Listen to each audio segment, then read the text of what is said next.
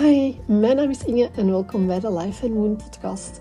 Eerst en vooral dank je wel om te luisteren. Ik vind het zo fijn om jou te helpen authentieker en intuïtiever te leven. Ik deel graag tips en tricks, maar ook mijn eigen ervaringen en verhalen, als ook die van anderen. Ik wil met deze podcast graag alles rond intuïtie, synchroniciteiten en all things energy gaan normaliseren. Dus als jij graag een verhaal hebt dat je graag wilt delen, stuur mij gerust een berichtje op Instagram en dan breng ik het met veel plezier op de podcast. Ook topics of vragen zijn trouwens welkom. Je vindt mij daar uh, op Instagram als inge.moon of je kan mij ook bereiken via mijn website www.lifeandmoon.com.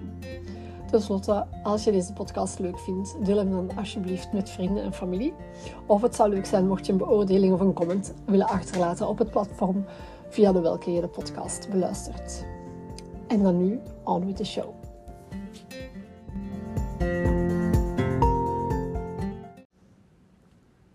Het onderwerp van de dag, herfst en Halloween. Halloween is een van mijn favoriete periodes van het jaar. Halloween tegenwoordig is een commerciële, moderne commerciële feestdag die eigenlijk vooral dient om snoepjes uit te delen. Maar de traditie waarin dat Halloween zijn oorsprong vindt, is een die al duizenden jaren teruggaat. En een die vol inspiratie zit. En boodschappen en lessen die we kunnen meenemen. En die wil ik vandaag graag met jullie delen. Halloween heeft, zoals ik al zei, niet altijd bestaan zoals dat we het nu kennen. Het vindt zijn oorsprong in een oud Keltisch vuur- of oogstfestival het noemde ook niet Halloween, maar Samhain. Het vieren, uh, en, en Samhain was eigenlijk het vieren uh, van het einde van het oogstseizoen. In sommige regio's, gelijk Ierland of Engeland, gebruiken ze nog steeds de oude naam. Um, Samhain was dus eigenlijk een oogstfestival. En eigenlijk wel het laatste oogstfestival. Uh, het was eigenlijk het voorbereiden op de winter. De zomer is echt gedaan dan. Uh, het wordt kouder. En um, ja, in tegenstelling tot de zomer was de winter vroeger eigenlijk een periode waarin dood nooit ver weg was. Um, er was veel meer ziekte en er waren veel meer sterfgevallen in de, winkel, in de winter dan in de zomer. En Samhain, ja, die, dat was eigenlijk een beetje de viering van die overgang. De overgang van buiten naar binnen, de overgang van leven naar dood. En het was eigenlijk de dag waarop voor de oude Kelten een nieuwe periode naar brak. Um, het was uh, afscheid nemen van de warmte en afscheid nemen van, uh, ja, van het leven, symbolisch gezien. Hè. Um, dus dat was zo'n beetje een, uh, ja, een overgang van naar een nieuwe periode voor hen. En dat is ook eigenlijk iets wat ik zo mooi vind aan de herfst. We merken, de natuur vertraagt. en daarmee nodigt ze eigenlijk ook ons uit om te gaan vertragen. Ons lichaam weet dat nog, onze ziel weet dat nog. Uh, maar onze samenleving is daar totaal niet meer op voorzien. Uh, wij voelen eigenlijk, we hebben niet meer zoveel voeling met de ritmes van de natuur, zoals, dat, zoals dat we dat vroeger hadden, zoals dat vroeger werd gevoeld. Omdat we eigenlijk nu veel, meer, ja, veel te veel prikkels hebben. En ons lichaam al vaak in overstimulans is van het zenuwstelsel. Maar oké, dat is nog een ander verhaal. Maar um, ja, nu dat de natuur begint te vertragen, gaan we ook merken dat ons lichaam eigenlijk meer rust gaat vragen. En dus het is niet abnormaal dat je eigenlijk in de donkere dagen van het jaar, ook al zijn die nog volledig artificieel verlicht, minder gemakkelijk uit bed komt bijvoorbeeld. Ons lichaam reageert nog altijd eh, onbewust en instinctief mee op die oude cycli, waarin dat eigenlijk ja, de, de donkerdere periode van het jaar ook de dagen letterlijk korter waren, waarin dat wij fysiek meer rusten, uh, als dat we eigenlijk nu doen. Dus ons lichaam, en heel diep onbewust, hebben we eigenlijk nog wel die... Uh, ja, zijn die instincten er nog? Maar ja, we hebben gelijk altijd en met alles perfect geleerd om dat te onderdrukken.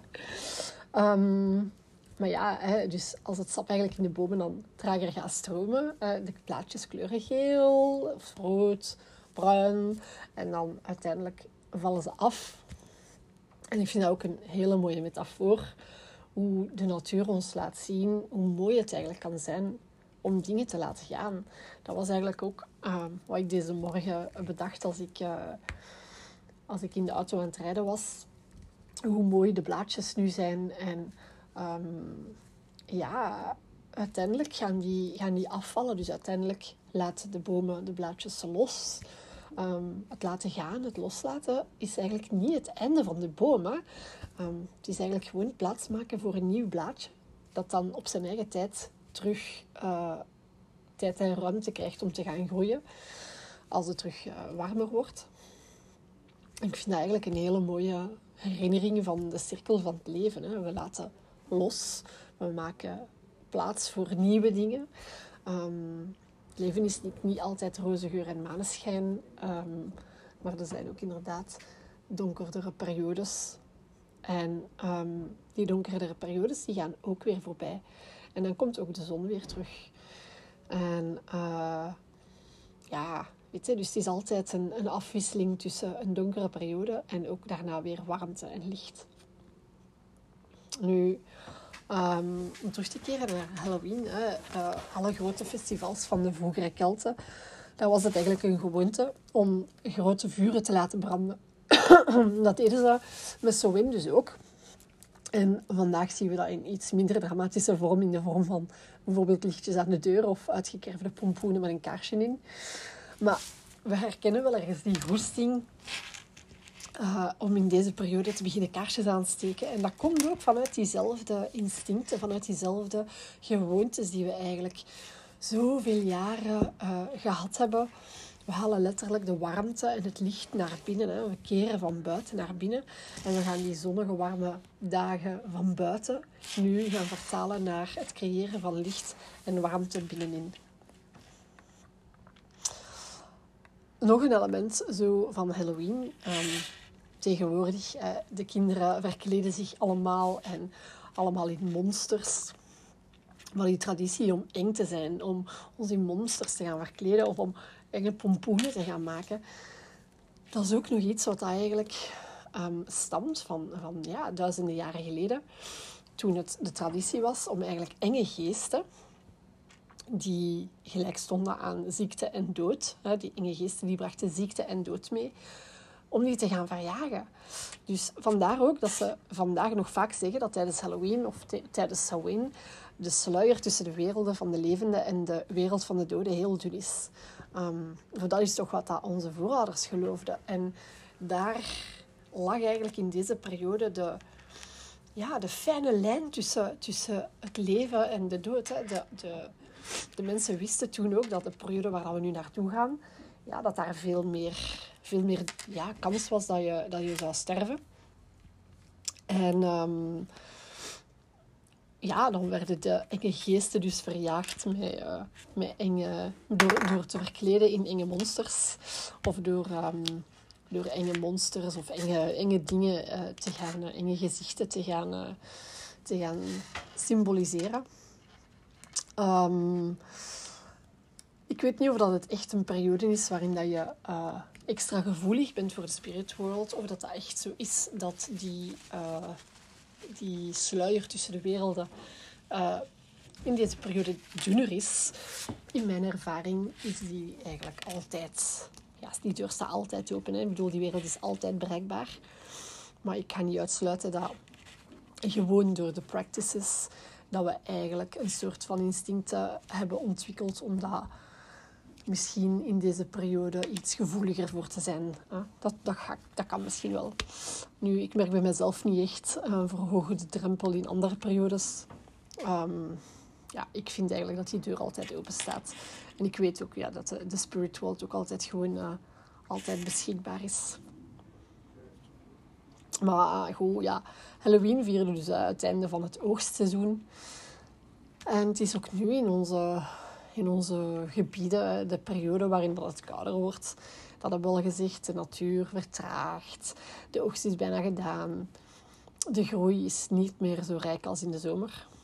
En daarom was het uh, in deze periode ook, daarom is dit festival ook eigenlijk een festival van dankbaarheid. En dankbaarheid voor wat dat de oogst toch heeft opgebracht.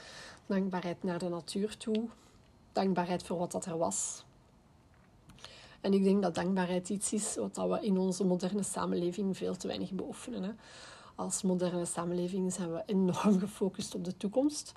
En we vergeten vaak het moment zelf te appreciëren. Het nu.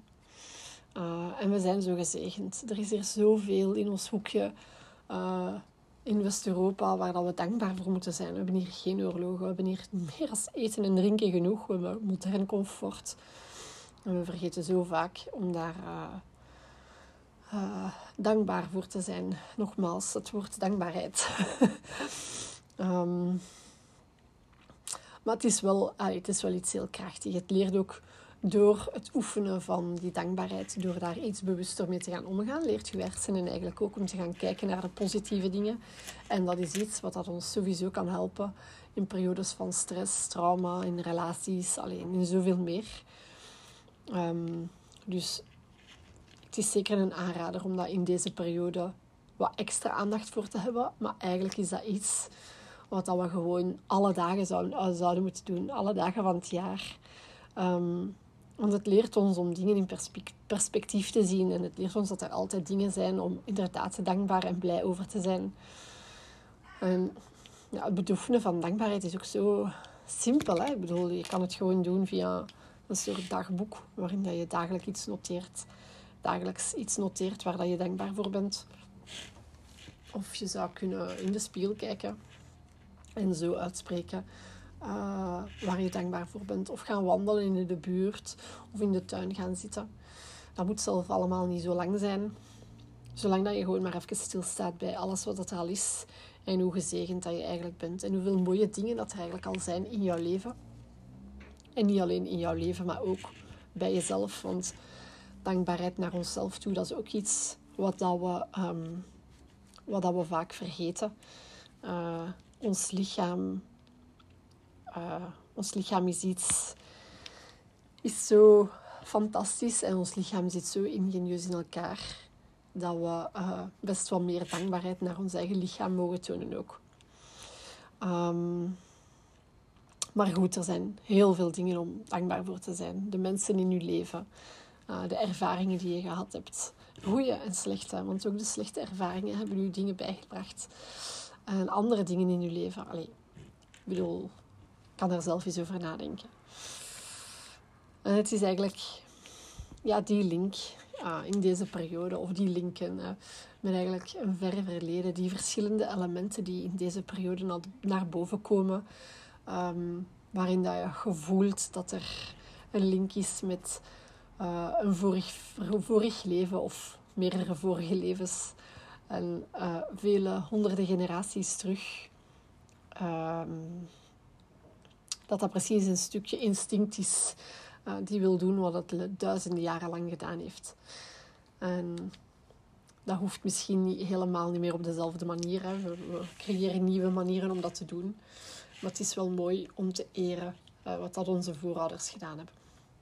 En uiteindelijk, we leven ook in dit leven om te genieten, dat mogen we niet vergeten. En dat is een oefening, gewoon een bewustwording elke keer opnieuw bewust worden van de natuur, bewust worden van de mensen rondom ons, uh, van onze omgeving, uh, van ons leven en van hoe mooi dat het hier eigenlijk op deze planeet is. Ik hoop dat ik bij jullie ook een stukje oude ziel, een stukje ver verleden heb kunnen wakker maken. Ik wens jullie nog een fijne rest van de dag en tot de volgende keer.